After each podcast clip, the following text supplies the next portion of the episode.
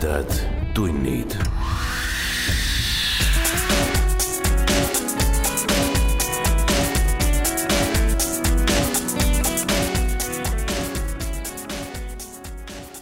tere, hea ulmesõber.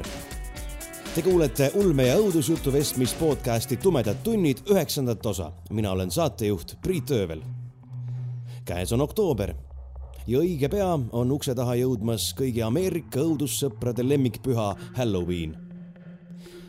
millegipärast tundub aga mulle, et see püha ei ole Eesti õudussõprade lemmikpüha, sellepärast et õõnsate kõrvitsate teemalisi lugusid ma Eesti kirjanike kirjutatuna lugenud eriti ei ole.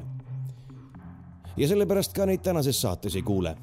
küll aga kuulete nelja eriilmelist lugu kolmelt erinevalt autorilt me alustame lühilooga ühest väga raskest ametist ja selle tööga kaasnevatest ohtudest.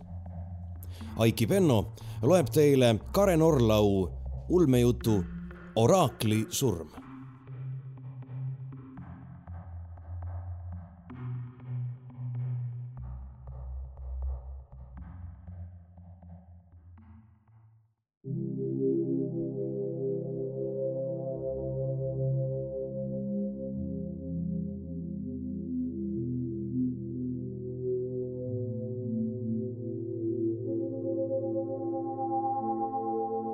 oraakel kartis. oraakel kartis hullu pööra, sest iga järgmine etteaste oli raskem kui eelmine ja nii lõputult, nii juba aastaid. aeg, mil ta kasvavale pingele vastu ei suuda seista ning murdub, oli hirmuäratavalt lähedal. vahest ehk mitte veel järgmine kord, aga juba õige pea ta tajus surma lähedust, tundes selle külma hingeõhku otse kuklas endal liikmed jäisest hingusest kangestumas. vaikse alistumisega vaatas oraakel lossi õuel kõrguvat platvormi, kitsast torni keset hiiglaslikku lõvipuuri. ebakindlalt kõikuvale platvormile mahtus üks inimene hädavaevu seisma ning sinna pääses ainult mööda allalastavat silda. kui kindlust külastas mõni rändrüütel, lasti lõvitorni rippsilda alla ning oraakel viidi platvormile iga kord, kui oraakel ennustuse lõpetas ning rüütel mineviku kohta kuuldu õigeks tunnistas, lasti rippsild uuesti alla ning ennustaja võis värisevi jalu platvormilt lahkuda. Nende kahe hetke vahele mahtus piinavalt pikk aeg, mil oraakel endal hirmuigi mööda nägu alla voolamas, sõnu ettevaatlikult ritta seadis, püüdes surmahirmust teravnenud meeltega rändrüütli näoilmest liigutustest ja hoiakust välja lugeda, mida peaks ütlema. kõigepealt püüdis ta vaid vihjata. mõnikord oli kuulaja näost selgelt näha, millal ta tõde tabas, siis pidi vaid sobivaid seoseid leidma. hirm tegi silmad selgeks ja mõtted kiireks ja seepärast oli rändrüütel peagi kui avatud raamata ees.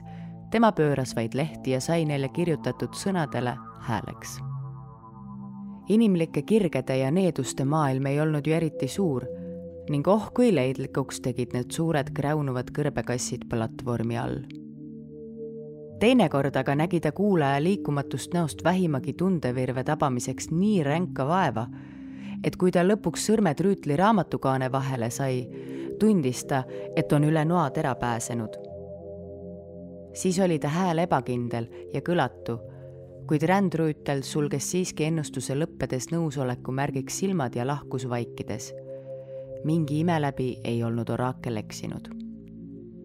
miks ei lasknud nad tal lihtsalt tulevikku ennustada? kui lihtne see oleks olnud? kui palju raskem oli möödunust rääkida? ometi öeldi, et ei saa uskuda tulevikuennustust, kui oraakel ei oska näha minevikku. ning oraaklil, kes vääratab, ei ole jumalikku valgust petis aga on surma väärt. oraakel oli lõpuks oma osaga leppinud.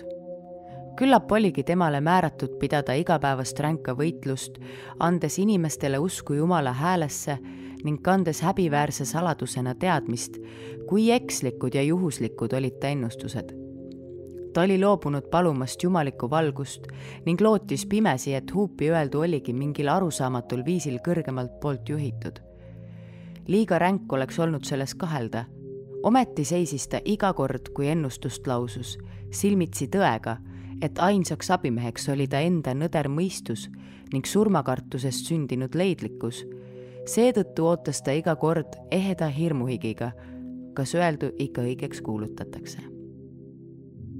ja nüüd ratsutas too halliks pleekinud pleedi mähkunud kuivetu rändur kantsiväravast sisse, andis valdjale väärilise andami ning nõudis oraakli ennustust. rändrüütlid ei palu iialgi. oraakel ei ütle kunagi ei isegi mitte siis, kui külalise nägu on nagu raudkivist tahutud ning ta käed on elutud nagu laibad kõrbeliival. kui ta kilp ei kanna vappi ja ta rõivad on ühegi tikandita, kui ta kaelas pole talismanni ega sõrmedel sõrmuseid ning kui ta kulmude vahel ei ole põletatud ta usutunnistust. Mida võib oraakel öelda? oled rändur ja su selja taga on pikk teekond. seda oraakel lõvitorni ütlema läkski mis edasi, sellest ei olnud tal aimugi. oli vaid lootus, et ehk aitab juhus teda selgi korral.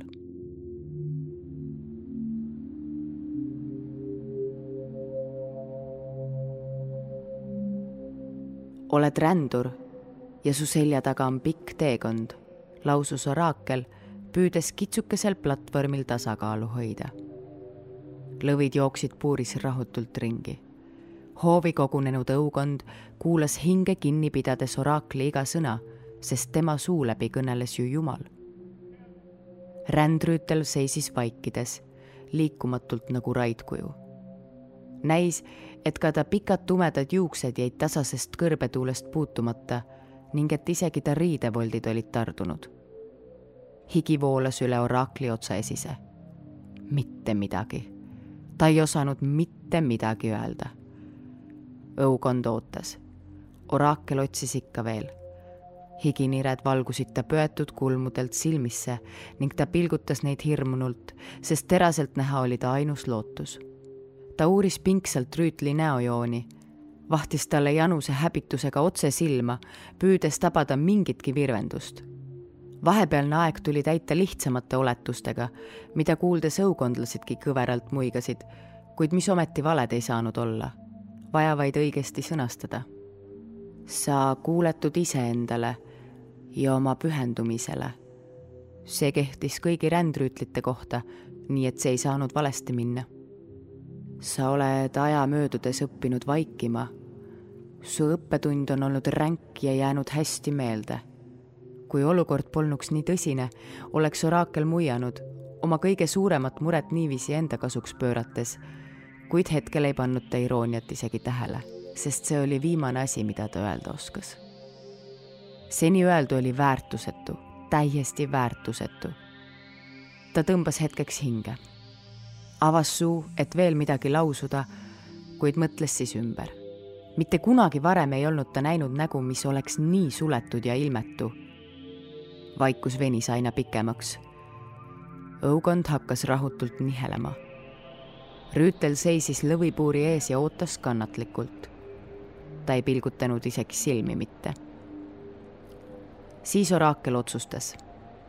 ta ei osanud rohkemat öelda, seepärast oli tal vaid üksainus võimalus. tühjast tuulest tuld võtta ja midagi kokku luuletada, tuginedes vaid muljele, mis tal süngelt vaikivast rändajast oli. õnnetuseks oli see mulje enam kui halb kätkedes endas ka teravat kättemaksujanu oma surmahirmu ja võib-olla ka surma põhjustaja vastu. sel hetkel ta tõepoolest vihkas võõrast rüütlit. oraakel alustas. su minevik on olnud rahutu, täis veriseid taplusi ning alatut reetmist. Ükski inimlik madalus ei ole sulle võõras su hing on kantsiks süngetele mälestustele, mis sind eales maha ei jäta. sa oled oma sõjadel näinud nii palju kannatusi, et kaasinimeste valu jätab sind ükskõikseks. seepärast oled sa alati üksi. nii üksi, et sa isegi ei oska enam loota kedagi enese kõrvale. sa ei peatu kusagil küllalt kaua, et seda kohta koduks nimetada. Igavene rahutus ajab sind üha edasi sa hüppad taas sadulasse ja sõidad, ilma et sa isegi teaks, kuhu ja mispärast ning millal sa kord taas peatud. su sihitus on su eesmärk. sinna, kust sa oled läbi rännanud, jääb maha õnnetus, ning su nime tuletatakse needes meelde. kohkunult kuulis õukond oraakli ränki sõnu, kuid too ei suutnud enam peatuda, sest tundis, et imelühikeseks hetkeks ilmus Rüütli silmadesse tume säratus, mis ta sõnad õigeks tunnistas seepärast, kiindudes pilguga kuulaja silmavaatesse, julges oraakel selle hämarust inimkeelde ümber panna. ta tundis, et pääsemine ei olegi enam nii võimatu. Rüütel oli ta vihast kantud ennustuse peaaegu õigeks kinnitanud. su relv on alati haljas ning kord mõõga tõstnuna ei halasta sa eales seda taas langetades. kuningad peavad sind hinnaliseks ning igaüks tahab, et võitleksid tema poolel sina ei tea aga pooltest ega sõjasõpradest, vaid võitled ainuüksi iseenda jaoks ja selle tasu eest, mida sa võitjana saad. õukond ahhetas. rüütlid olid küll tõepoolest palgasõdurid, kuid seda niiviisi näkku öelda. oraakel aga ei lõpetanud ikka veel. Su tulevik on lõputu rännak. sa ei saa iial teada, mis on õnn ja rahu. eales ei aita sa kedagi ja eales ei aita sind keegi rõõmud põgenevad sind nähes ning haarates sädeluse järgi kustutad sa selle. kui püüad midagi ehitada, siis variseb see liivaks. sa eksled läbi elu kardetu ja neetuna. kui sa kord hääbud, siis sünnib see nii rängas üksinduses, mida ei saa võrrelda isegi mitte selle eraldatusega, mida sa elu jooksul tundma saad. Oraakel värises. ta oli võõra silmis sähvatanud tumeduse läbi iseenese hirmu ja viha sõnadesse pannud ning lausunud needmise, mille õudus halvas kogu õukonna. ta oli süüdistanud rüütlit ebainimlikes julmustes, mõistnud ta igavesse üksindusse. ja nüüd ootas ta seda, et rüütel selle õigeks tunnistaks. rüütel seisis hoovi hingematvas vaikuses. kõigi pilgud olid tema poole pööratud. Oraakel ootas hingetuna otsust kui kõik, mis ta Rüütli kohta oli öelnud, oli tõepoolest tõsi, siis oleks parem, kui ta oleks meelega valetanud. lõpuks hakkas Rüütel kõnelema. oraakel tundis, kuidas süda jättis löögi vahele, kui ta märkas kuratlikku sädelust Rüütli silmades. sa oled suur oraakel, suurim, keda ma eales näinud olen, ütles Rüütel ilmetul häälel. Läbi sinu suu kõneleb Jumal õukond ahhetas, mõõtes rüütlit õuduses pilkudega. lausutud tunnustuse tähendus oli kurjakuulutav. rüütli lähedus täitis neid hirmu ja vastikustundega, nagu oleks ta laibasööjast raisakull. mõni heitunum joonistas jõumärke õhku, lootes kurje vaime eemale ajada. ammed peitsid lapsi selja taha, rüütlid mõõtsid võõrast ähvardavate pilkudega, kämblad valvsana mõõgapidemeil oraakel ei suutnud aga oma kõrvu uskuda. ta oli pääsenud. ta oli ka seekord pääsenud. Rüütel ei olnud aga veel lõpetanud. ma olen ekselnud igavikku, kuid ometi, kuigi mul ei ole ühte kindlat eesmärki, on mul eesmärgid. siiski, uskuge. Kibeda naeratusega vaatas ta oraaklile otsa, justkui kaheldes, kas suudab teda veenda siis ütles ta ohates. ma olen surm. ma tulin sulle järele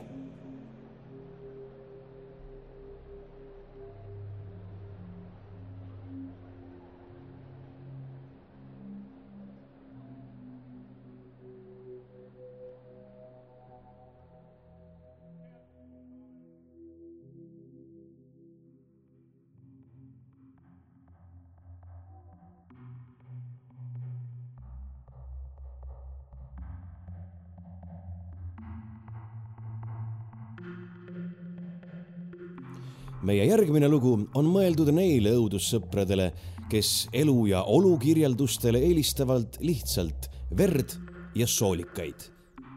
ma loen teile Maniakkide tänava õudusloo Teoloogiatudengi katse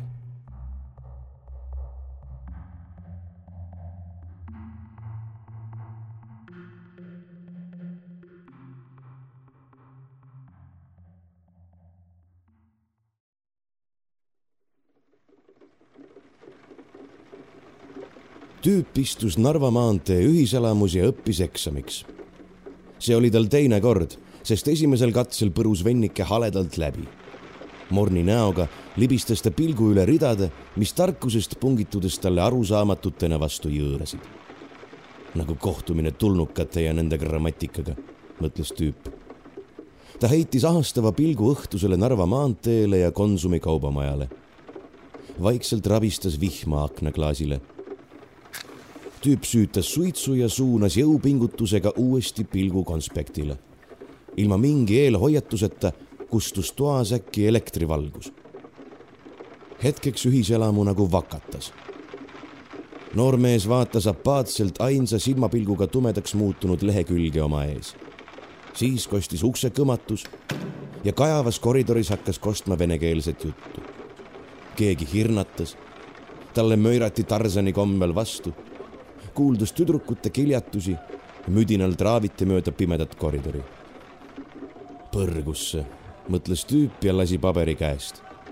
see võttis tuule alla ning libisedes mööda lauaplaati kadus põranda hämarusse. toa uks kääksatas, kui selle katkisele lingile rõhuti ja avanes räntsatades tüüp vaatas üle õla selja taha, aga aknast sisse langevad laternakiired ei valgustanud tulijat küllaldaselt noh, mis? tuli ja köhatas kohmetult. tere, venitas ta lustlikkust teeseldes. uksel seisja selja tagant traavisid möirates mööda paar venelast. ühikas oli neid täis. ja, jah, vastas tüüp tulija tervitusele. suitsu ots tema näos hõõgus ükskõikse ja veidi ebasõbralikuna tulija astus sisse ja köhatas veel kord kohmetult ma olen su üleaedne, selgitas ta siis ebalevalt. nojah, venitas tüüp. ta polnud just erilist huvi tundnud naaberelanike vastu. tal oli oma sõpruskond. tuhk suitsu otsalt kadus mõlema toas viibija jaoks hääletult pimedusse. vaata, mul oleks sulle üks palve, tuli ja poetas end tüübivoodi otsale ma kuulsin, et sa oled mingil määral vaimsete huvidega, kunst ja muusika ja nii edasi. koridori kaugemast otsast kostus jälle kellegi kiljumist ja poisi nolkide naeru. jah. tüüp puhus suitsu tulija poole, kuid see hajus enne sihtmärgini jõudmist. ma sooviks, et sa osaleksid ühes minu poolt korraldatavas katses. küülikuna lisas tüüp kajana. tulijal võttis taipamine natuke aega. jah, umbes nii, noogutas ta siis. mis katse on? suitsuring nirises lae poole, möödudes aknast, mille paarimillimeetrise pinna taga sirises vihmapiisku. kuulata ära üks minu esitatud muusikapala ja anda sellele tulemusele hinnang. tüüp mühatas igast lolle ikka leidub, mõtles ta. nojah, mida muud ma siin pimeduses ikka tegema peaksin. too oma lugu lagedale. tulija tundus üllatusest võpatavat. laskmata ennast kaks korda paluda, kargas ta püsti ja kadus ukse paukudes pimedusse. koridoris lisandus melusse veel lisahääli. kärmelt kui nirk libises tulija taas tuppa asetades oma muusikainstrumendi keset põrandat. Pimedas ei taibanud tüüp hästi, mis pilliga on tegu. tulija asetas raamaturiiulisse mingid piklikud esemed ja süütas põlema. Need olid küünlad. tüüp astus küünalde juurde. milleks neid veel vaja on? ma tahan su reaktsiooni näha. tulija näppis midagi oma pilli kallal ja lükkas siis toa ukse kinni. samal hetkel tundusid katkevat kõik väljastpoolt tulevad helid. ruumis tinises vaid nõrk plärin, mis meenutas vaibuva basskitarri häält. istu voodile, käsutas tulija, seistes pilli taga seljaga küünalde poole. mis imelik pill see sul on, küsis tüüp, silmitsedes tulija ees olevat hämarat varju. sina kuula kilekarje lõi nagu kirves tüübile pähe. Silmapilguga segunes sellesse tuli ja kriiskav hääl. mürinal vajus pilli hääl bassidesse. tüüp haaras peast. helid tundusid raputavat ta sisikonna segamini. rindkere vappus helilöökidest, ägades, mida metsikus helide rajus kuuldagi polnud, vajus tüüp põlvili kägarasse. higi pressis end kehast välja. tundus nagu kasvaksid higiojad peenteks jätkedeks ta küljes. Kõhus keerati nuga ja pead tambiti raske vasaraga. kisendava kakofoonia tipul saabus lõikav vaikus pimedus tundus tüübile peale langevat. vaikus oli veel jubedam kui möllanud muusika. tulija seisis pimeduses vaikselt ja liikumatult, siis mõne hetke pärast kohendas ta instrumendil näppe. õrnalt hakkas taas kostma plärinat. tüüp põrandalt tõmbus kössi. Püsti, käsutas tulija. tüüp tõstis kartlikult pea. püsti, Aralt ajas käsutatav end jalule tulija võttis taskust diktofoni ja pannud selle lindistama, asetas aparaadi enda lähedale riiulile. neljanda kursuse teoloogia tudengi praktiline töö teemal vaimu olemusest. tulija vaatas küünla ja immitseva tänavalambi kumas vastasseinas võbisevat inimkuju. Esimeses faasis allutasin endale katsealuse vaimu tänu juhuslikult aset leidnud elektrikatkestusele polnud võimalik täpselt jälgida protsessi väliseid nähte. nii palju võib siiski öelda, et arvatavasti lõhkus zanasöör katsealuse biovälja ning selle jäänused materialiseerusid kehast algavate jätketena.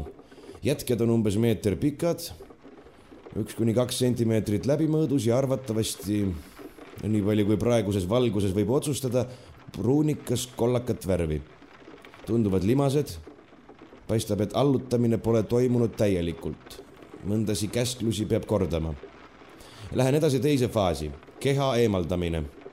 et katsealuse vaim ei saaks enne visualiseerimisprotsessi hajuda, loon zanasööriga barjääri selleks, et vaim kehast täielikult eraldada, on tarvilik keha õõnsuste võimalikult suure avamine niisuguse töö jaoks sobivateks instrumentideks valisin elektriketassae kolba avamiseks, kirve jäsemete ja rindkere jaoks ning skalpelli kudede tarbeks. katsealuse paralüseerimiseks lõikan tal läbi seljaaju. tulija võttis sanasööri sahtlist skalpelli. pööra ümber, käsutas ta. tüüp vahtis teda ükskõikselt ja pööras siis vastu tahtmist ümber.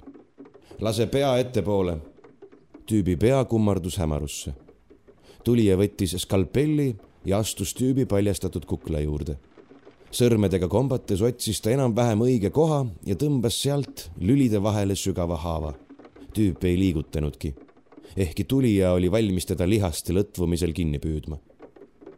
tulija uuris oma lõike kohta hoolikamalt ja valmistus veel korra lõikama. vastu ta kätt puutus biojätke miski haaras tulijat puusast, too hüppas tahapoole ja sähvas vihaselt skalpelliga. jätke lasi lahti ja kukkus pimedusse. see-eest haaras järgmine temast kinni ja järgmine. kombitsad tundusid venivat. raevukalt sahmis tulija terasega. paari hetke pärast oli ta pea täielikult sisse mässitud ja kukkus koos tüübiga põrandale. tulija laskis skalpelli lahti ja küünitas pilli poole kiunatusega mattis helilaviin rabelevad kehad enda alla. jätked tundusid jäigaks tõmbuvat ja seejärel lõtvuvat. tulija rebis end lõdvast puntrast välja ning koperdas pilli taha. tulija võlus instrumendist välja kõige raskemini haamerdavad metsikud viisid. jätked visklesid vahetevahel, venides üha suuremaks kuhjaks. seevastu tüübi tundetu keha tõmbus üha enam kokku kiunudes lõikusid uued helid vonklevasse kuhja. helimöll muutus üha pöörasemaks. siis saabus räigelt jäik vaikus nagu sein. küünlad olid põlenud üsna pisikesteks ja heitsid toale õrnasid hubelevaid varje. tüüp oli kuskil jätkukuhja all. tulija sumpas läbi nende sinna, kus ta noormeest viimati näinud oli ja peksis jalaga kuhja laiali. viie kuue aasta vanuse õrna lapsena lebas tüüp pikki ja sügavaid varje heitvate jätkekuhjade vahel nagu sügava kaevu põhjas. tulija kahlas tagasi, võttis elektriketassae ja pistis selle seina. kummardudes lapse kohale, vajutas ta nuppu. neetud, sisistas tulija ärritunult. talle meenus, et elektrit ju polnud. vihase käeliigutusega kadus saag pimedusse. Kolmandat korda sanasöörini jõudes rabas ta vihaselt kirve ning virutas lapseni jõudes pea sihtimata õblukesele kehale kõhtu äh.. rõhatades kadus kirvetera kõhukoopasse tulija ise kaotas löögi hoost libedal kombitsa hunnikul tasakaalu ja kukkus, määrides end nende lägaga veelgi rohkem kokku. ta ajas end jalule ja sikutas kirvest lapse kehast välja. see ei tahtnud õnnestuda, kuna kirve tagumine, kirkaga pool, oli takerdunud kuhugi soolikatesse. rapsimise peale rebenes jäme sool mitmest kohast ja tuppa levis vänget soolehaisu ka magu oli viga saanud ja sellest topeltjälgist lehast tundis tulija, et hakkab oksele. ta jättis kirve kus seda ja teist ning komberdas eemale. haaranud riiulilt ühe kustuma hakkava küünla, virrutas ta selle aknasse. Metallist küünlajalg purustas klirinal klaasi. vihm ja tuul haarasid kardinad oma meelevalda. värske õhk tungis puhangutena sisse ja viimane küünal kustus vihm ja hägune tänavavalgustus. teine faas, seda tabas mõningane ebaõnnestumine. biojätked ei olnud veel oma kaitsefunktsiooni minetanud ning nende deaktiviseerimiseks pidin veel kord kasutama sanasööri. selle tulemusena pigistasin katsealuse vaimujõust kuivaks. temast jäi järgi umbes kaheksakümne sentimeetrine lapse keha. keha on osaliselt kirve abil avatud elektrikatkestus ei võimalda selle täielikku avamist. alustan kolmandat faasi. vaimu visualiseerimine. tulija heitis pilgu niiskesse ja pimedasse tuppa enda ümber. hämarus neelas nii seinad, lae kui põranda. peale kirvevarre ja helendava aknaava ei suutnud pilk midagi eristada. tulija puudutas pilli ja tuppa hakkas kostma kaugeid džunglitrumme piuksudes sulasid sellesse mõned kõrgemad noodid. hele tilin väristas pimedust. trummid tugevnesid, tilin tugevnes, kalgistus. miski võttis kuju. Tulija puuris silmad tumedasse, peaaegu läbipaistmatusse pilku hajutavasse õhku. ta nägi vähe, kuid piisavalt. selgesti arusaadavalt oli vaim tehislikku päritolu küberneetiline toode katse tulemus kinnitab hüpoteesi. looja on olemas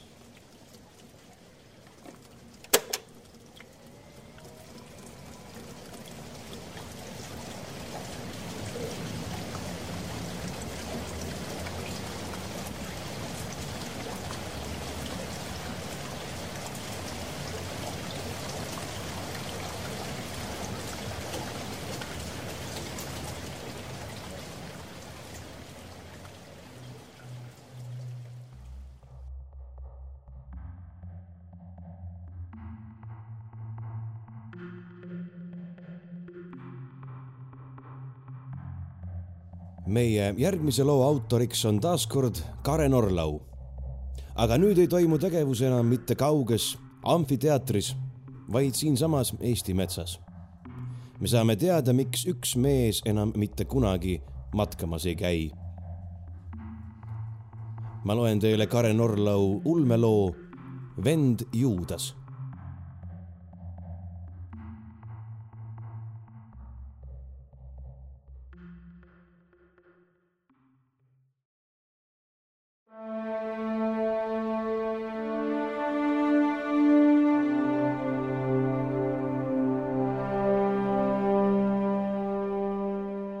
sõbrad on sageli küsinud, miks ma oma kuulsad uitamised nii järsult lõpetasin. seni oli see, et ma soojade ilmade saabudes metsadesse hulkuma kadusin, sama kindel loodusnähtus nagu lindude lõunasse ränd. nüüd, kus ma juba peaaegu terve augustikuu oma üüritoa uberikus olen istunud, ei suudeta ikka veel harjuda, et mind suvisel ajal kodust kätte saab ning igaüks, kes helistab või lihtsalt läbi astub ei jäta küsimata, et mis minuga ometi juhtunud on. juhtunud? paljugi on juhtunud. ometi peaksin ma ju küllalt karastunud olema, sest ööd metsas ei ole just nõrganärvilistele. ka suvisel ajal on tormiseid pilvealuseid öid, mil tuul ragistab puudes ning ulub nagu kurjast vaimust vaevatud. võimsad oksaharud murduvad lahti kõrvu lukustava prahvakuga. Vihma kallab, nagu oleks viimne päev käes. kord nägin, kuidas välk lõi metsalagendikul seisvasse tamme mis sealsamas paigas leegi möllus ragisedes maha põles.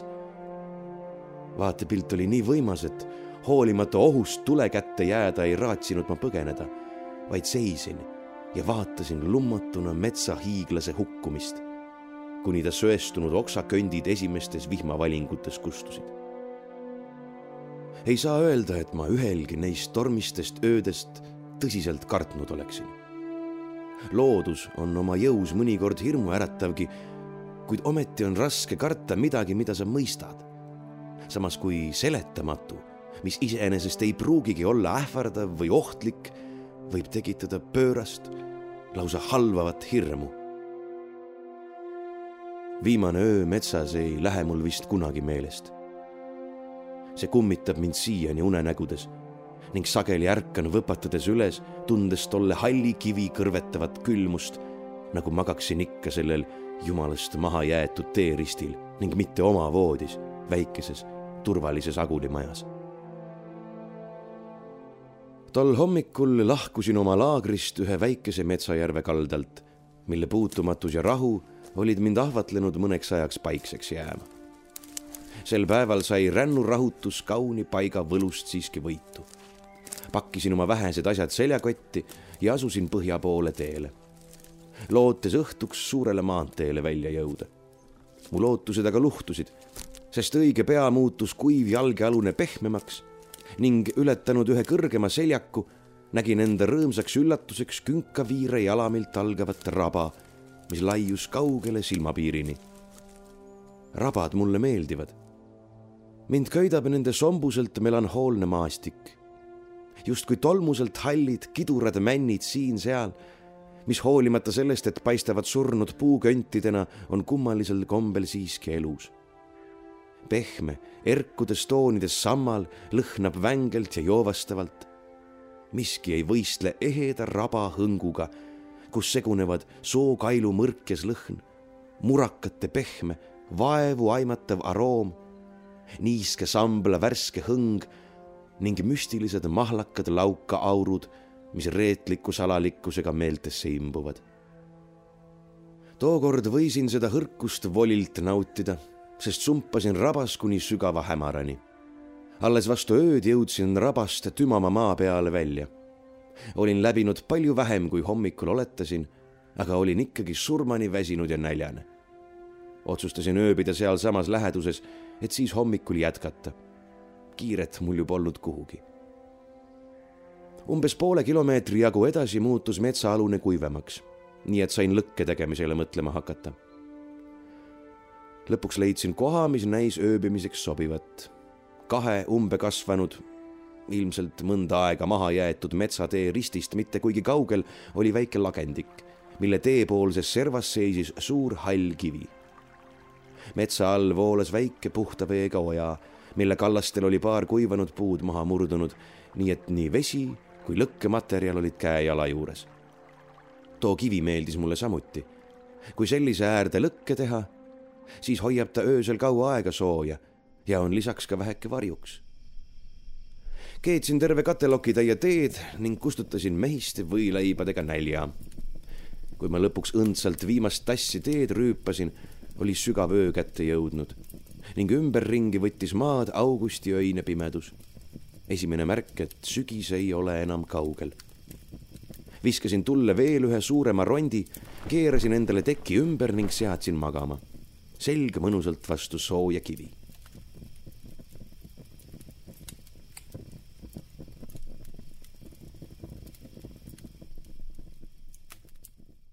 nägin kummalist und tavaliselt unenäod ununevad ärgates, aga see mitte.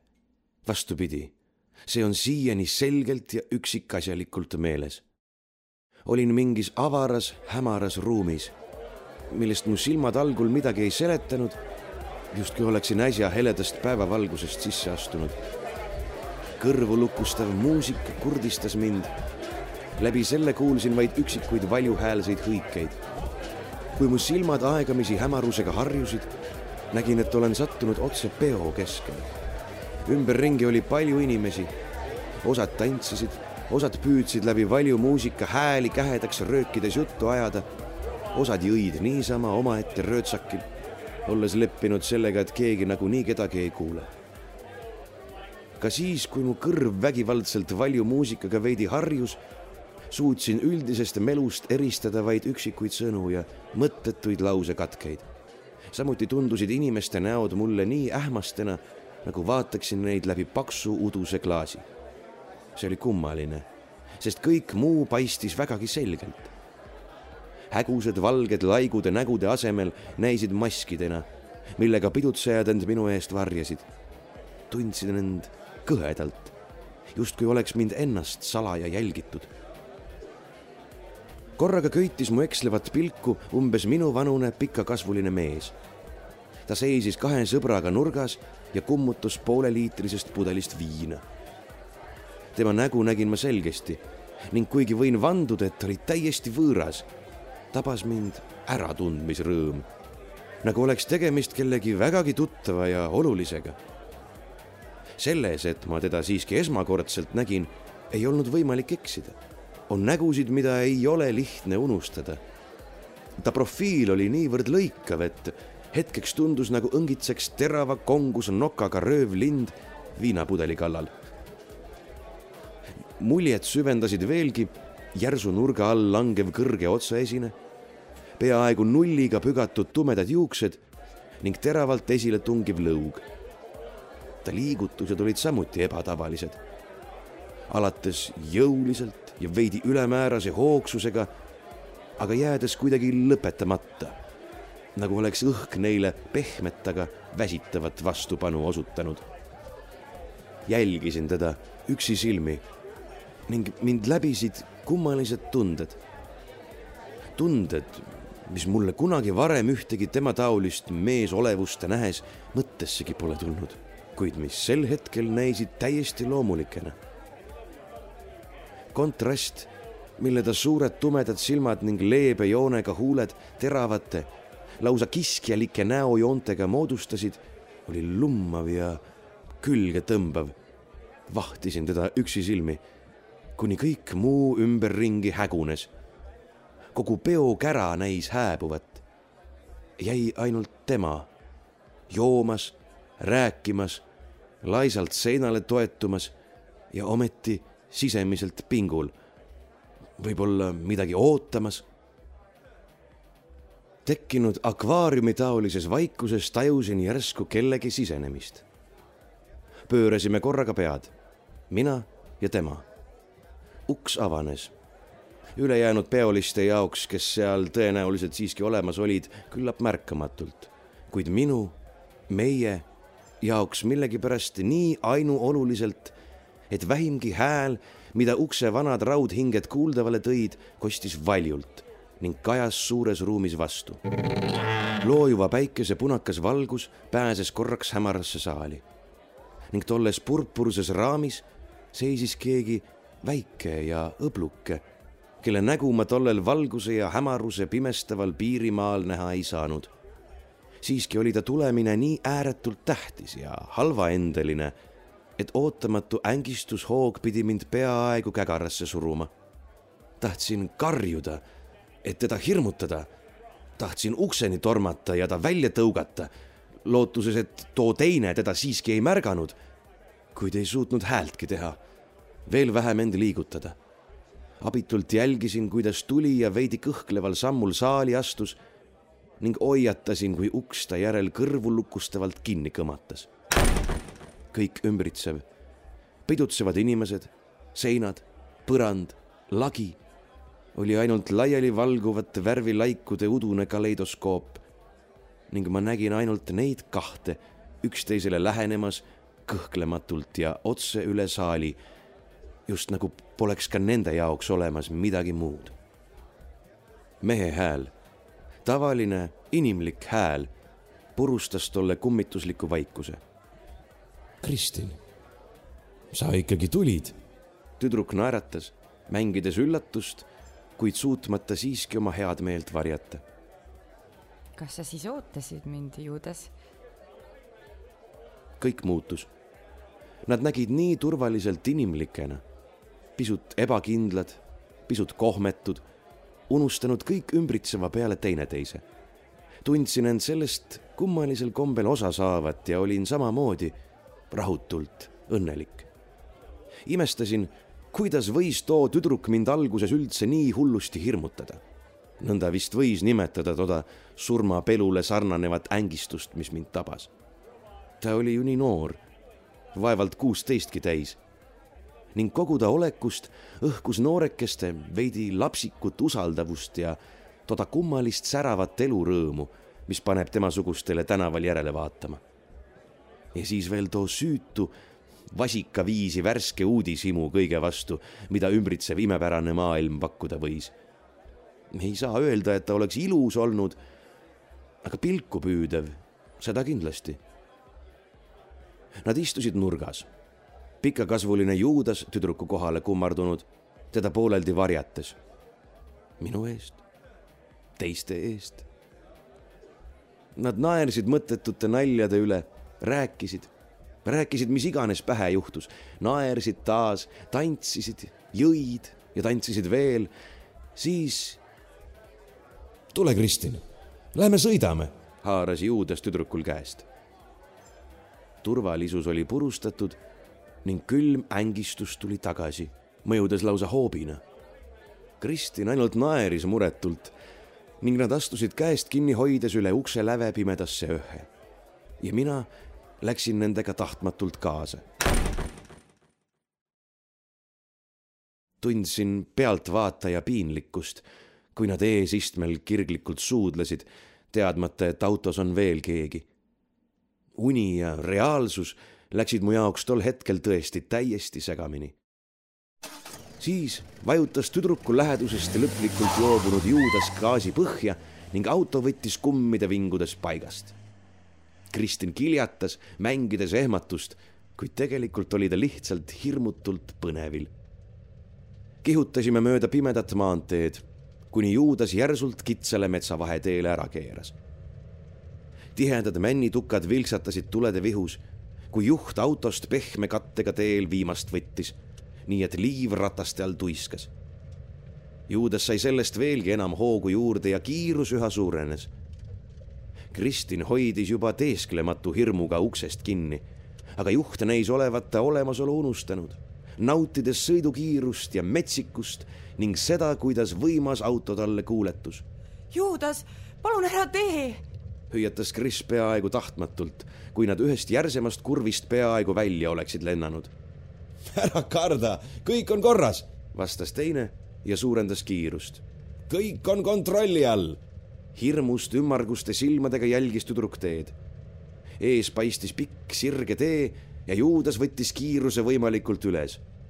võib-olla tõestamaks, et kõik ongi kontrolli all mootor undas ning tumedad puutüved vilksasid mööda, kui nad kaelamurdval kiirusel edasi kihutasid. liiga hilja nägi Juudas, et pika sirgena tunduv tee lõpeb varjava künkaga. auto lendas üle teekumeruse, järsk kurv, pidurite krigin, siis lõpmatuna tunduv libisemine reetlikul liival ja siis jõhker löök. pimedus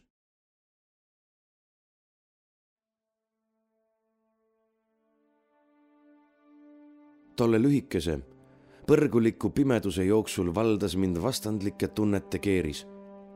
armastus, viha, abitus ja siis lihtsalt hirm ning see viimane osutus kiiresti kõige tugevamaks. hirm iseenese pärast. surmahirm. puruks lennanud aknast paistis suur hall kivi. vaikus mis peale mürtsatuse läbilõikavat rauakriginat maad võttis, oli nii sügav, et mõjus peaaegu kõrvu lukustavalt. Õnneks ei kestnud see kaua. Juudas ajas end hoiates üles. Kristin! tüdruk lamas liikumatult kägaras. märjalt läikivad juuksed üle näo. mööda ta paljast kaela ning rinnaesist voolas tume nire. uksepiidal, kohas, kuhu ta oli oma pea ära löönud, paistis määrdunud jälg. Kristin! paanilises hirmus raputas Juudas tüdrukut õlgadest. Kristini pea langes veidra nurga alt kuklasse ning ta klaasistunud silmad olid tühjad ja ükskõiksed. värisevate kätega tõmbas Juudas tahavaatepeegli eest ning proovis sellele püüda vähimatki märki hingamisest. tulutult. hirm. ahastus. siis jälle hirm, siis süütunne, siis jälle hirm elasin Juudast piinava tunnete virvarri läbi, nagu oleks see mu enda oma olnud tundes nii tolle hirmu sügavust ja tagamaid, nagu oleks ma ise olnud see, kes niimoodi kardab, kardab vastutust, süütunnet, tapja nime. sain Juudasest aru või olin unenäos tol hetkel lihtsalt temaks muutunud. Juudas tiris Kristini hambad ristis autost välja ning viis ta süleskivini. Tüdruku pea ja paljas käsivarrs kõlkusid elutult särades kuupaistel kummituslikult valgena. seda mustemana näis aga veri, mis kattis ta paremat põske ning tilkus mööda pikki heledaid juukseid alla. Juudas seadis ta hellalt kivi äärde istuma, nagu suudaks teine veel midagi tunda, võpatades siis järsku tüdruku käsivarte jahedust tajudes. Kristini pärani avatud silmad näisid jälgivat kuidas Juudas autost väikese labida võttis ning sinnasamma kivi äärde liiva sisse auku kaevama asus. labida krigin vastu kive. tumedad mütsatused, kui märg liiv hunnikusse visati. rabedad hingetõmbed ja samas nii täielik vaikus. puud seisid hääletult, isegi pilved ei liikunud, vaid püsisid süngete ning halvaendelistena ümber kuu Kristini suurtes läikivates silmades peegeldusid selgelt välja joonistunud pilveservad ning kuuvalgus näis ta pilku peaaegu elustavat. auk sai valmis, mitte küll kuigi sügav, kuid siiski piisav selleks, milleks ta mõeldud oli. Juudas tõstis tüdruku lausa kohatu ettevaatlikkusega värskelt kaevatud auku, sättides õrnalt ta käsi ja jalgu nagu oleks tegemist magava lapsega. Kristin tundus niiviisi tõepoolest elusana, verine nägu ära pööratud, tumedalt määrdunud kael kaetud pikkade pehmete juustega. näis nagu mängiks ta või oleks lihtsalt uinunud, magades kerra tõmbunult soojas liivas. Lõpuks lõi Juudas rusikaga vastu kivi, kriimustades käeserva marraskile ning hakkas siis hullumeelse hooga alla liiva kühveldama. märg liiv langes vaikse sahinaga tüdruku pehmele nahale, teksadele, särgile, kattes nad peagi. viimasena paistsid liiva alt juuksed, mis ikka ja jälle visatud labitatäie alt välja libisesid ning vähimagi tuulehooga kaasa lehvisid. lõpuks kattis liiv ka need taskulambi valgel hauakoha kanarpiku varte alla peitnud, hüppas Juudas autosse. peale paari tulutut katset õnnestus mootor käima saada ning gaasi põhja vajutades põgenes Juudas, nagu oleks tal põrgu koerad kannul. pärast tal lahkumist valitses vaikus. nagu oleks aeg peatunud.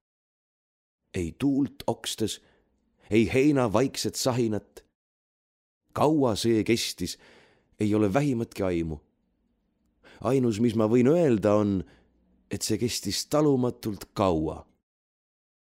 korraga kostus summutatud hääl.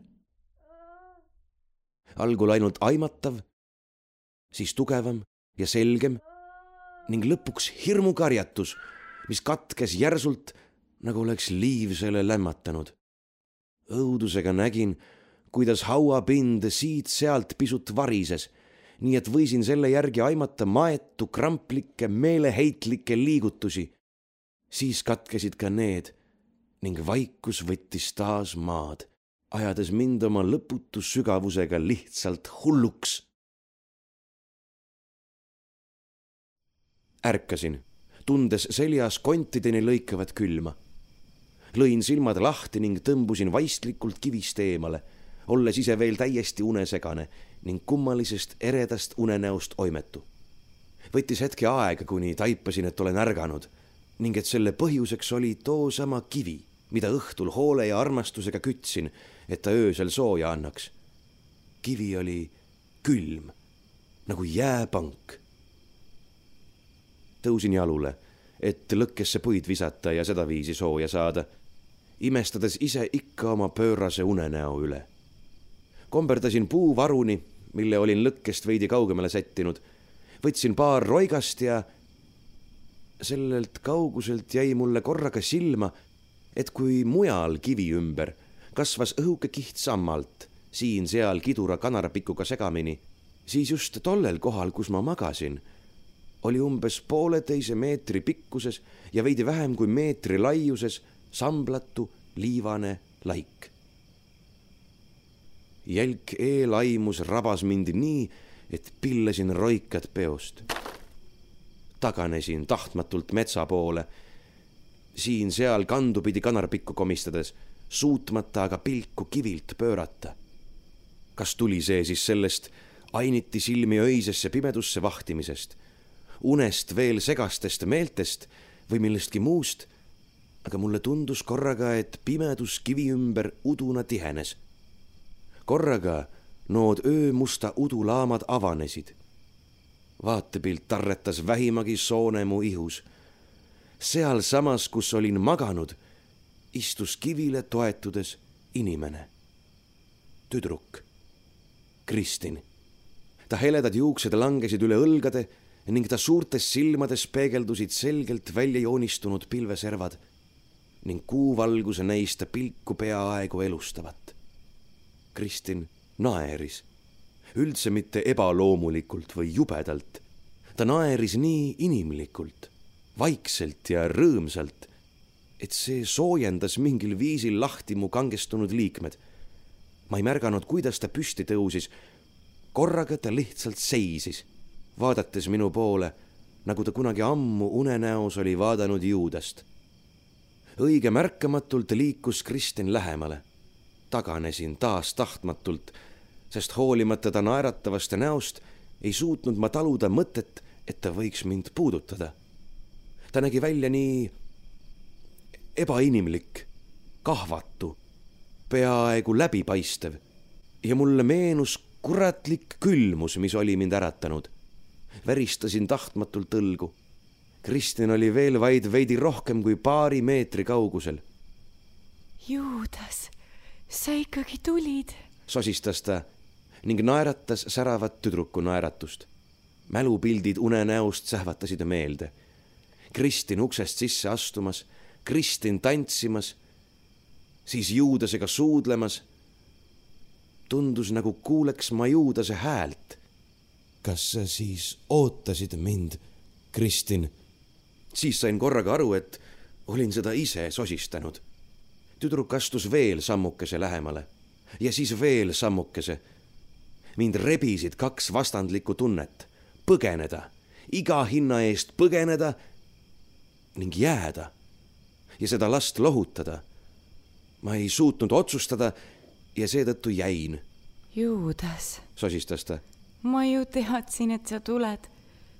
ilma sinuta on nii igav. ta vaatas arglikult naeratades mulle otsa. ma ei taha enam üksi olla, kurtis ta üksi on külm. tule minu juurde. ta sirutas käed. tule. see mõjus nagu käsk. tundsin, kuidas südame ümbert lõi külmaks, nagu oleks jäärõngas rinnus pigistanud. pöörasin selja ja tormasin metsa poole nagu meeletu. Ometi tundsin toda halvavat külma otse enda taga. ei sammugi maha jäämas. ainult korra julgesin üle õla vaadata. seal ta oli seekord ei olnud kahtlustki, et see olin just nimelt mina, kellele ta otsa vaatas, otse silma sisse. endal nägu tundumatuseni moondunud, vihast, valust, kättemaksu himust. Käed ette sirutatud, sõrmed konksus nagu röövlinnu küünised.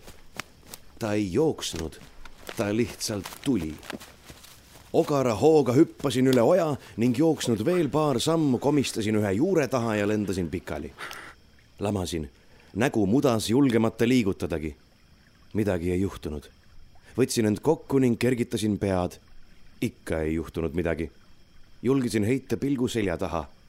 seal ta oli, lähedal, otse sealsamas üle oja. millegipärast ei hüpanud ta üle ta lähenes ojale ning põrkus siis uuesti tagasi. nägu nutukrambis, nagu lapsel, kellele on liiga tehtud. nähes mind tõusvat, sisistas ta tigedalt ning püüdis veel kord minu poole küünitada. voolav vesi peatas ta aga jälle ning jubeda karjatusega, mis katkes poole pealt, nagu oleks liiv selle lämmatanud, haihtus ta öösse. tuikusin metsa nagu joobnu minnes edasi sihitult nagu nõdrameelne. ometi ei võtnud kaua, kuni jõudsin suure maanteeni välja. keegi ei tahtnud mind peale võtta, üleni porine ning metsik, nagu ma olin. lõpuks lubas üks veoauto juht mul kasti hüpata ning olin sellegi eest talle südamest tänulik. istusin kaubakottide vahel ja mõtlesin tollest kummalisest hullusest, mis mind oli tabanud. unenägu, mis nii ootamatult ärkvel olles edasi kestis. ühel hetkel, kui jalad kurvis tugevamalt vastu põrandat surusin, häiris mind taas üks väike kivike saapa sees. olin seda juba metsast tuikudes tundnud, suutmata siis eriti hoolida. tirisin saapa jalast ja püüdsin kivi välja raputada. Hetke pärast kukkuski ta säärest krobinal autokasti põrandale. see polnudki kivike see oli õige pisike autoklaasi kild.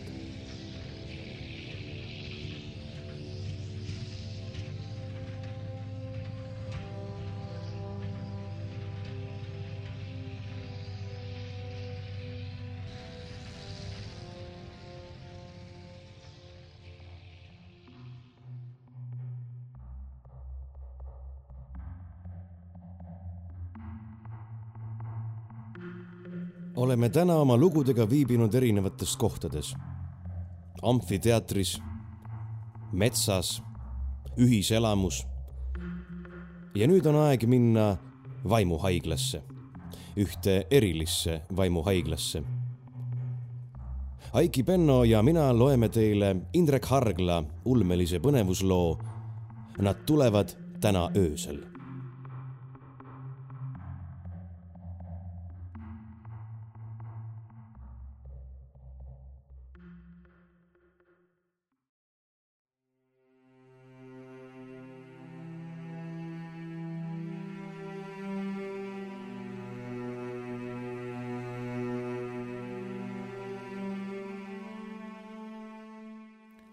doktor Lannier.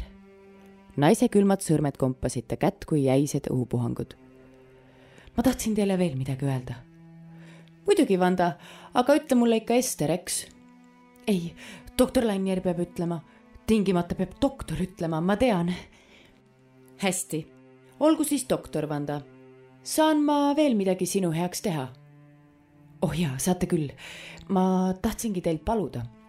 pange uks enne kinni Ester pööras pead. viimane lahkuv arst oli tõepoolest ukse lahti jätnud. õige vähe paokile tegelikult ja mingit tuuletõmmet ta ei tundnud. koridorist ei kostunud palatisse ühtegi häält. kuidas küll, Vanda? ikka on sellega nii raske harjuda, mõtles ta. ikka on kuidagi kõhe teada, et need, kes ei näe, tunnevad seda, mis on su selja taga. ent võib-olla Vanda lihtsalt ei kuulnud ukse klõpsatust. ta läks ja sulges aeglaselt ukse tuli siis laua juurde tagasi. Vanda istus kramplikult püstist rühti hoides toolil, käed kergelt ette tõstetud, et Esterit kombata. istuge siia minu kõrvale, doktor Lannier. doktor Lannier istus ta kõrvale. ma tahan, et te istute, siis te olete kauem. kui te seisate, lähete varem minema. aga ma ei taha, et te varem minema läheksite. kõik nad tahavad seda. kõik nad tahavad rääkida rääkida, rääkida, rääkida. Vanda oli pisut erinev, mõnikord tahtis ta päevade viisi mõtelda. niisiis, Vanda. jah, naine haaras tal käest, jälle tundis Ester külmade sõrmede kramplikku puudutust. kõigist haigetest olid Vanda sõrmed kõige külmemad. Ester oli tema temperatuuri mõõtnud rohkem, kui protseduurid ette näevad. see oli normis. ühel visiidil, teisel kuul peale naise haiglasse saabumist, oli Ester oma ehmatuseks avastanud, et oli enesele pooleldi teadmata enne Vanda juurde minekut kampsuni kitli alla pannud. kas ta ainult kujutas ette või oli siin palatis tõesti külmem? ma pean teile midagi rääkima. see on oluline. kas te kuulate mind? ma kuulan sind, Vanda. pean midagi edasi ütlema. Teil on sõnum. tema jättis selle sõnumi. kes tema? Efraim Ester ohkas. Ma pidin teile edasi ütlema, et nad tulevad täna öösel. Te peate täna valves olema, te peate teadma ja valmis olema. Nad tulevad täna öösel. tal võib alguses väga kole olla. kellel? küsis Ester osavõtlikkust teeseldes. kellel võib kole olla? seda Efraim ei öelnud. ja kes need siis tulevad? Nemad. Vanda hääles segunesid üllatus ja ükskõiksus Nemad muidugi, Efraim tunneb neid. miks sa just mulle pidid seda ütlema? kas Efraim seda ka seletas? huvi, ilmuta huvi, kordas Ester endale. jah, ta ütles, et teie oskate saksa keelt. midagi oli veel, ah jaa, ta ütles, et ei tohi neid ära ajada, muidu ei tule ja too nad enam kunagi. ta kauples ta välja, seda paluski Efraim öelda, et läbirääkimised lõppesid edukalt. ma arvan, et see on väga oluline. Te saate ju ikka aru, eks, saate ju Efraim ei ütle kunagi midagi sellist, mis pole oluline. ta on väga tõsine ja pühendatud. pühendunud ehk? ei, pühendatud ikka. kõik teavad seda. temal on õigus öelda, teistel ei ole. ta tulebki alati midagi tähtsat ütlema. ega te ei saa kauemaks minu juurde jääda? ei, Vanda, kahjuks ei saa. aga ma tulen varsti tagasi. kell on juba palju jah, loomulikult, teil on juba kiire. Teil hakkab seitsme minuti pärast loeng. Ester vaatas tahtmatult kella. peaaegu, kümne minuti pärast täpsemalt. nägemiseni, Vanda. räägite üliõpilastele minust ka? mõnikord, siis kui on vaja ja see sulle kasuks tuleb. tulge varsti jälle ja olge siis öösel valmis. kahjuks pole täna minu valvekord. siis tehke nii, et oleks. Te peate seda tegema hästi, Vanda, ma vaatan, mida ma teha saan. Kui Ester ukse avas, küsis tema poole seljaga olev pime naine. kas teile ei tundu, doktor Lannier, et Efrem tahab meid millegi eest hoiatada? valetada ei tohi, mõtles Ester. mitte iialgi ei tohi neile valetada. ma ei tea, aga küllap see nii on, kui sa ütled mööda haiglakoridori tõtetes tuli talle meelde, et pole kunagi Vandale öelnud, et oskab saksa keelt pärast loengut suudles ta doktor Lorentsoni põgusalt karvasele põsele ja lükkas aeglaselt tema käe oma pihalt. liiga aeglaselt isegi, nii et see tegi pikema kruiisi Esteri tuharatel. ei, Bruno, unusta, see on möödas. mõnikord tuleb see tagasi. see ei tule. siis ainult üks õhtusöök, vanade aegade meenutuseks. ütleme, et täna kell seitse. ainult õhtusöök. sa ju tunned mind jah, tunnen küll, tahtis Ester öelda, aga see teadmine täitis ta mingi magusa rammestusega, mis raevukalt mõistusega sõdima hakkas. õhtusöök, mis see siis nii väga ära ei oleks?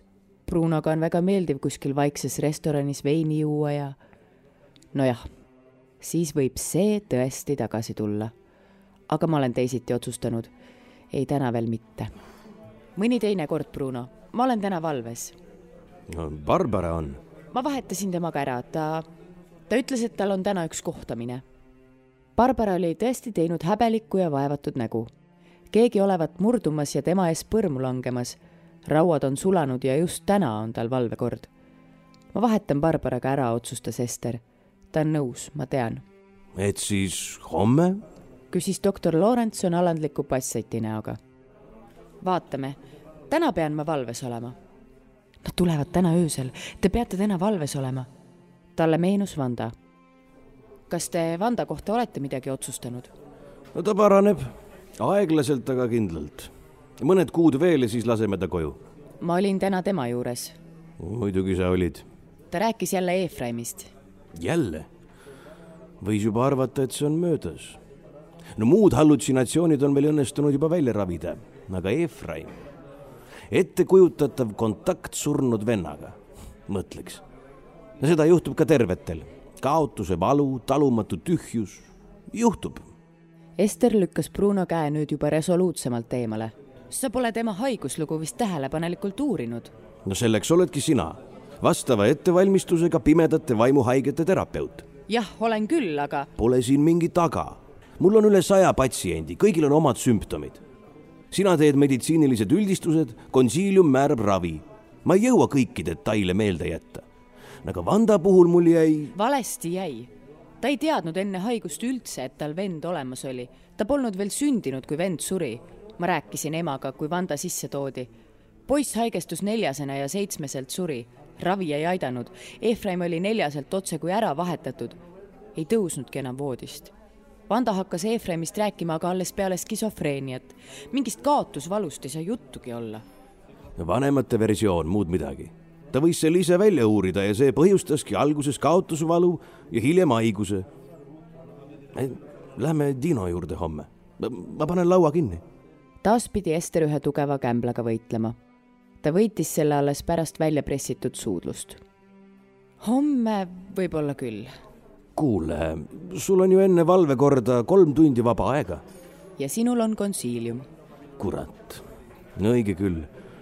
aga homme siis kindlasti vaata, et sa hiljaks ei jää. ma ei jää kunagi hiljaks. Bruno tõstis ta käe huulte juurde, suudles sõrmi ja heitis kiire pilgu Esteri käekellale. kell on sul kolm minutit järel, mu kallis. ja kolme minutiga jõuab palju teha. oi kui palju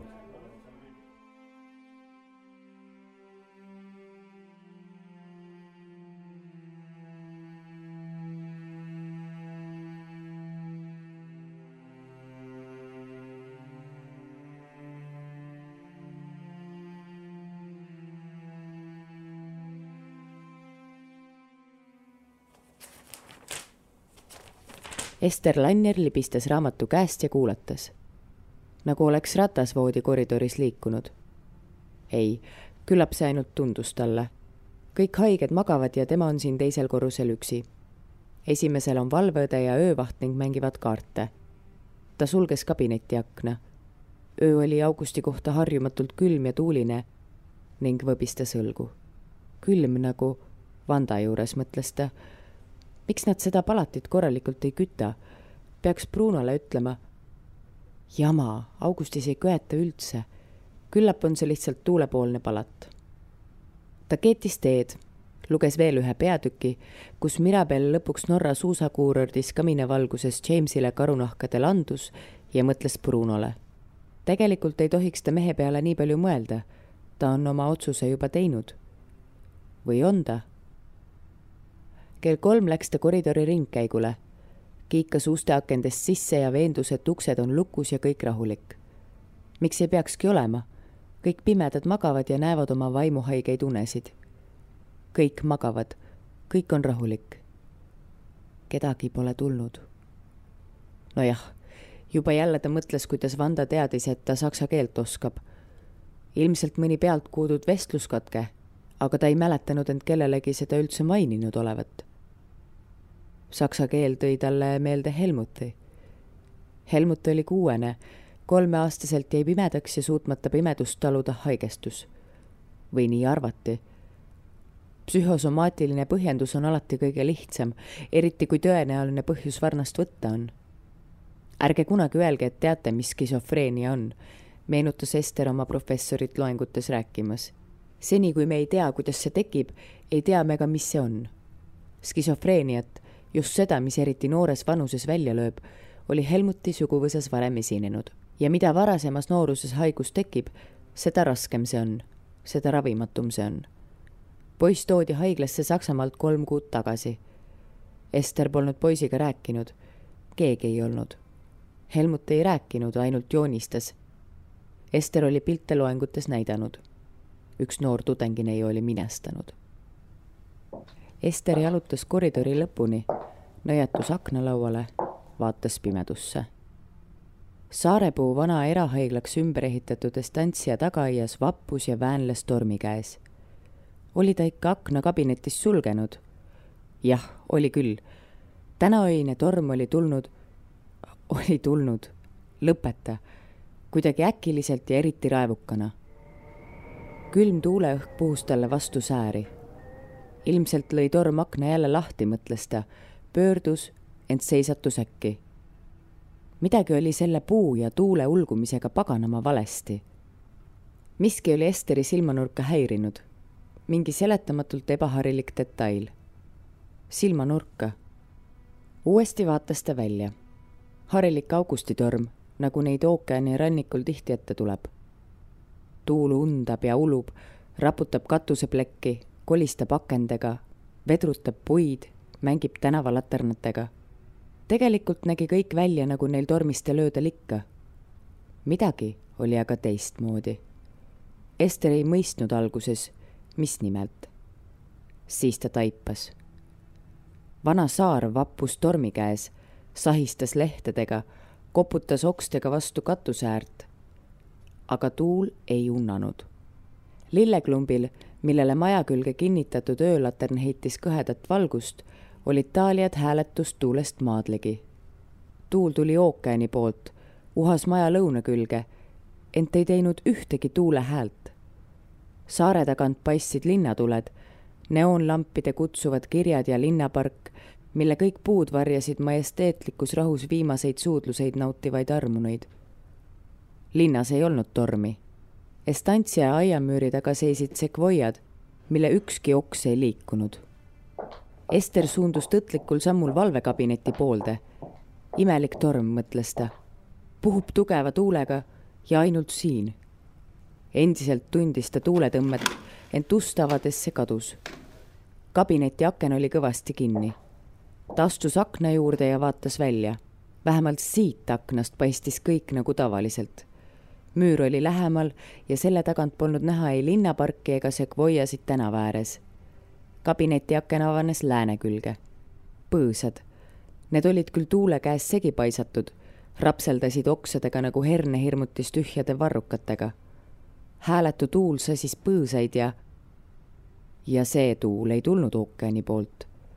põõsad vehkisid oma lehtede ja okstega põhjatuule käes. tuule poolt, mis oli tulnud täna öösel oli tulnud täna öösel maismaalt. ookeani rannikul ei puhu kunagi tuul maa poolt merele. nii palju sadamalinna tüdruk Ester teadis. Ennast rahulikuks sundides läks ta idakoridori. haigla idakülge uhas läänetuul.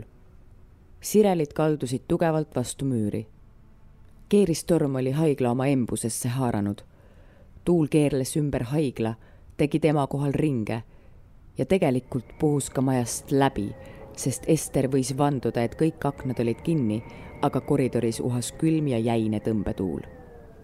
naine seisatas kabineti ukse ees. korraga tundis ta vastupandamatut vajadust minna alakorrusele õe ja öövahi seltsi. ta võiks näiteks küsida, ega õel mõnda raamatut ei ole. jah, seda võiks ta tõesti teha ja vaadata valvuri telerist ilmateadet. ta tahtis juba trepi poole minna, kui kuulis, et keegi tema selja taga koridoris liikus. midagi liikus. see ei astunud, sammude kõla polnud kuulda. midagi lihtsalt liikus, sest õhk liikus. ja see midagi hingas. no nüüd aitab, mõtles Ester. palatiuksed peavad olema öösiti lukus ja nad olid lukus valvenupp töötab alati ja tualett on igas palatis eraldi palatiukse avanemisel hakkab kabinetis paneel piiksuma. see on valvur, kes tuli kontrollima, kas aknad on kinni ja et mind mitte häirida, käib sokkides. see peab olema valvur. aga lõunakoridor oli tühi. kui see nüüd oli mingi teravmeelse tehnilise taibuga haige, siis Ester hingas sügavalt sisse ja otsustas, et nüüd kutsub ta valvuri ise üles. Te ei tohi neid ära ajada. Vanda külmad sõrmed pigistasid ta kätt muidu ei tule ja ei too nad enam kunagi. hei, hõikas Ester. kes siin on? vaikus koridori lõpus akna taga liikusid puuoksad. Ester mõtles, et ta tunneb ennast väga rumalalt. kuskil kolksatas midagi. kiiresti pööras naine ennast ringi. ta ei jõudnud kunagi selgusele, kas ta tegelikult nägi seda meetrikõrgust terepunakat ja läiklevat kogu nurga taha vilksatamas või mitte. aga siis hakkas üks hääl karjuma.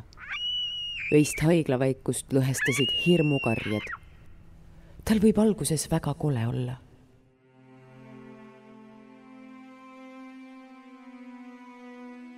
Bruno Lorentson vabastas poisi pea õrnalt Esteri sülest. mõlemad, kuueaastane poiss ja arst, magasid. Ester lebas põiki voodis, pea rinnale vajunud, selg vastu seina. Helmuti alasti keha oli naine hoolsalt teki sisse mähkinud ja hoidnud, kuni nad mõlemad olid uinunud. Madonna lapsega. päike siras varahommikuselt ebalevalt ja andekspaluvalt kardinate vahelt sisse ja ripsas kiirtega Esteri kaunist ja väsinud orava nägu. magava naise näost kiirgas armastust ja rahulolu. poisi nägu oli kahvatu ja kuidagi roidunud, ent ta suu hingas rahulikult ja sõrmed olid unekrambis klammerdunud Esteri käsivarre ümber. Bruno vaatas kella. pool seitse. valveõde oli talle helistanud tund aega tagasi ja nõudnud, et doktor kiiresti tuleks. midagi oli õde veel lisanud midagi segast sellest, et helistab juba pikalt, aga ei saanud tormi tõttu ühendust ja alles nüüd on need kuradi ahvid liinid korda saanud. Millise tormi tõttu, oli Bruno pahaselt interkomi ühmanud, aknast arusaamatuses neitsivagura koidiku fikseerinud ning ennast Barbara kuumava keha kõrvalt üles ajanud. hommikune sats jääb siis ära, oli ta tigedalt mõelnud. aga õde siunas endiselt tormi ja neid kuradi ahve ja ütles, et doktor Lannier on kuhugi kadunud ja keegi oli ülakorrusel karjunud. seepeale oli Bruno interkomi välja lülitanud ja püksid kiiremini jalga ajanud. Helmuti pead õrnalt padjale tõstes ja teda teki all kohendades ei saanud Bruno aru, miks poiss alasti oli.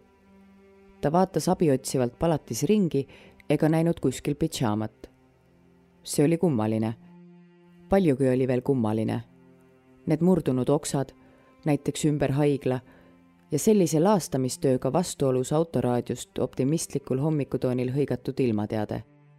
või see, miks Ester kedagi ei kutsunud, kui Helmut tõepoolest oli see, kes siin karjus. Helmut.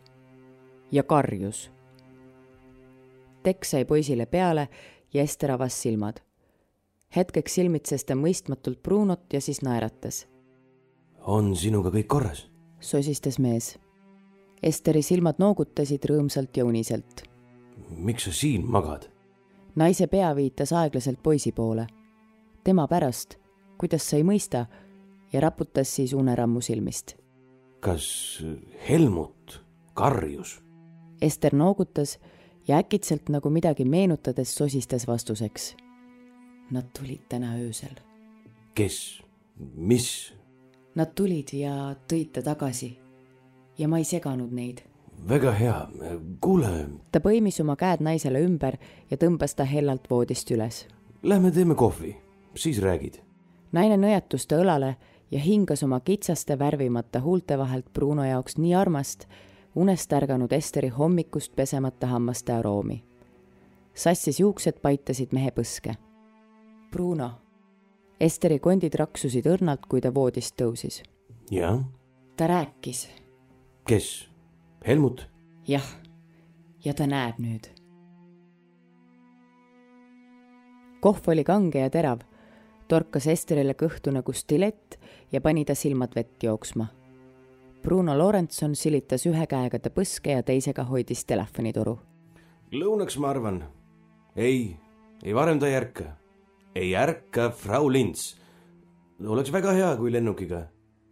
ta tahab teid näha jah, just nimelt näha. ma ju räägin teile, et ma ei kot-, ei, ma ei valeta, ise ütles. Ein moment. põske silitanud käsi kattis telefonitoru. Ester, räägi ise nendega, ma ei suuda seda selgeks teha. kui naine telefoniga rääkis, katsus doktor Lorentson oma mõtetes selgust luua, sest seda läheb tal hommikuse konsiiliumi jaoks väga tarvis. kohe väga läheb tarvis kuidas ta põhjendab, et ühe ööga sai väga rasket skisofreenia vormi põdev poiss terveks ja sai tagasi ka nägemise. Kuidas ta kurat neile seletab, millist ravi ta kasutas et orgaaniline haigus, mis nii rängalt oli hälbinud Juntsu mõttemaailma, rebinud ta lahti reaalsusest ja loonud neid jubedaid kujutlusi, mida ta joonistas, oli lihtsalt üle läinud. ja poiss oli hakanud ka rääkima. Ester üritas midagi kannatlikult saksa keeles telefonis selgeks teha. naise silmis võbelesid pisarad. see on kõige õnnelikum hetk tema elus, mõtles Bruno. Öelda emale, et tema poeg on jälle terve on jälle maailmas ja maailma jaoks tagasi. Wo ist meine mutter? kuulis Bruno Esterit telefonis oma öiseid poisi suust kuuldud karjeid meenutavat. Ich möchte nach Hause. see on imeline, liiga imeline, et uskuda. aga arst saab uskuda ainult meditsiini. ja imet polegi uskumiseks, vaid paremal juhul teadmiseks võtmiseks. meil on üks tervenenud patsient rohkem ja see on hea. Kõige parem. Ester pani toru hargile Nad jõuavad õhtuks, tulevad esimese lennukiga. kaua ta haiglas peab veel olema? no nädala vast, mitte rohkem. kui ta ikka on terve. on, Bruno, on. ma ju rääkisin temaga. jah, seda doktor Lorentson teadis. nuttev poiss öös, kes ei saanud aru, kus ja miks ta on ja kes tahtis ainult koju ema juurde. Jester oli kuidagi hüsteerias poisi maha rahustanud oli suutnud ta uinutada, talle saksakeelseid muinasjutte jutustada, mida mutter talle kunagi rääkinud oli. seesama mutter, kes saabub kohe, kui Helmut on tubli poiss ja kohe magama jääb. mis oleks juhtunud, kui siin poleks olnud kedagi, kes saksa keeles lastega rääkida mõistaks? Ester oli ju kunagi Saksamaal au pair'iks olnud, oskas saksa lastega ümber käia, teadis, mida ja kuidas neile rääkida. jah see oli puhas õnn, et just Ester oli täna öösel valves olnud. puhas õnn, et Barbara pealelõunal helistas ja kurat, kes selliseid imelisi asju küll korraldab.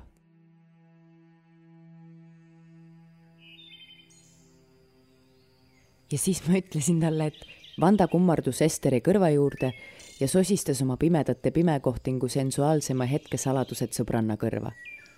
hetkeks nad vakatasid tõmbusid teineteisest eemale ja hakkasid siis ühel hetkel nagu märguande peale naerma.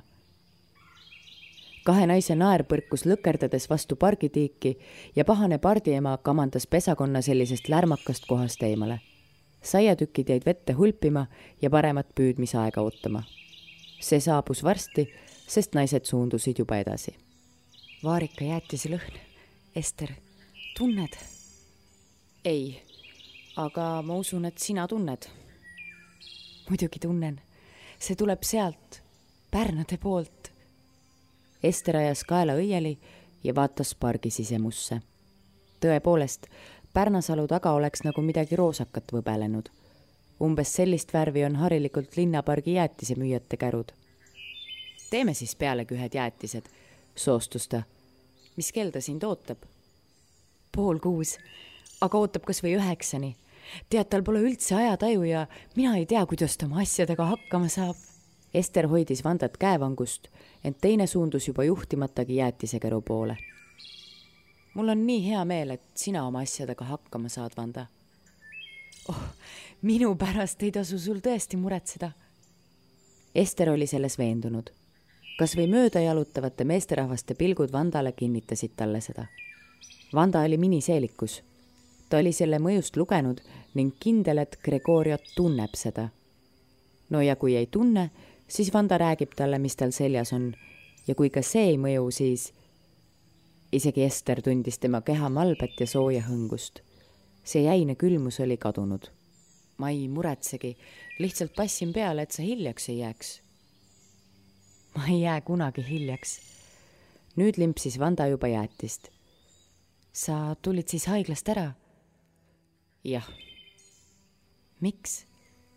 või ma ei tohi küsida? parem, kui sa tõesti ei küsiks, Vanda. aga ta vastas. Helmuti pärast. Helmuti? nojah, sa ju mäletad teda. ähmaselt. ma mäletan haiglaaega üldse kuidagi ähmaselt, nagu poleks ma ise päriselt seal olnud. aga Helmut jah, ma mäletan, et keegi karjus ühel ööl, kui see võimas torm oli ja pärast vist räägiti temast kogu aeg.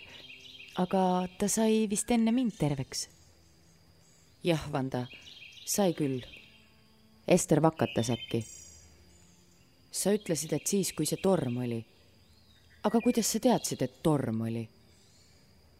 külma ja hirmutunne, mida ta nii sügavale mälusoppidesse toppis, tuli tagasi. Tuul undas ja ulus ju nagu meeletu, seda ma mäletan. ja siis hakkas üks poisi hääl karjuma. Ester asetas sõnu väga ettevaatlikult ritta. oli midagi, mida ta pidi ja tahtis juba ammu Vanda käest küsida. see oli seesama öö, kui sa ütlesid, et Efraim, kes? Efraim, sinu vend ta suri noorelt. mul pole kunagi venda olnud, Ester. ei, sul oli Ester. Vanda seisatas ja haaras tal käsivarrest. ma ei mäleta oma haigusest palju ja ma ei tahagi mäletada. ma võisin paljugi välja mõelda. ma olen ju lugenud pimedate psühhiaatriaõpikuid. aju strukturaalsed anomaaliad põhjustavad haige meeltes tegelikkusele mittevastavaid ettekujutusi ja psühhoose. mul pole kunagi venda olnud ja sellist nime nagu Efraim kuulen ma esimest korda. mida sa sellest poisi häälest mäletad, küsis Ester. Ta karjus midagi nagu voost, memuud, karjus pikalt. ma ei saanud sellest aru. ta karjus voist meine mutter. see on saksa keeles, ta on ju sakslane. ma ei teadnudki, et sa oskad saksa keelt. jah, muidugi sa ei teadnud, mõtles Ester. miks sa siis Helmuti pärast haiglast ära tulid? ta sai ju terveks. pargivärav oli juba lähedal. sai terveks. Sel samal ööl, kui ta karjuma hakkas, sel ööl sain ma aru. millest sa aru said? Ester kõhkles. ei saanud olla, et Vanda midagi ei mäletaks. ta toodi tagasi, ütles ta siis ettevaatlikult. Efraimi ei toodud kunagi tagasi. ta jäigi vahetatud lapseks vahetatud ei ela siin maailmas kaua. vahetatud lapseks. Vanda raputas mõistmatuses pead. Ester otsis sõnu. Changeling, Vekselberg. ma ei tea, kuidas see meie keeles õieti on, Vanda. Nad vahetavad mõnikord lapsi. Nemad sealtpoolt, haldjad või kes iganes. ja need vahetatud on sellised poolearulised, armetud koopiad. aga Helmuti tõid nad tagasi, sest ma ei teagi, miks. arvan, et Efraim korraldas selle kuidagi. kauples enda vastu välja. Sa ei mäleta siis midagi, Vanda? ei, aga küllap see nii oli, kui sa ütled. Ester ohkas. ah, olgu peale. eks ma ajan mingit jama vist. pargiväraval seisis keegi koeraga mees. Vandat haistes hakkas labrador saba liputama ja peremehe käsi limpsima. Gregori on siin, ootab sind juba ütles Ester. Vanda embas sõbrannat. ma tundsin teda juba eemalt. tead, tal on selline naljakas lõhn, sõnas ta lõbusalt. ole siis tubli. Ester suudles Vandat põsele. olen küll, tead, ta tõesti sobib mulle. kuule, aga ma tahtsin sinult ka küsida, et kas Vanda kummardus Estrile lähemale ja sosistas midagi kõrva. Ester naeratas. ei ütles ta. nii palju, kui ma tean, pole selline pimedus päritav. Aga laste eest tuleb hästi hoolt kanda, Vanda. väga hästi. tulgu lapsi teil palju. ja Vanda vastas. tead, ma arvan, et nad võivad tulla juba täna öösel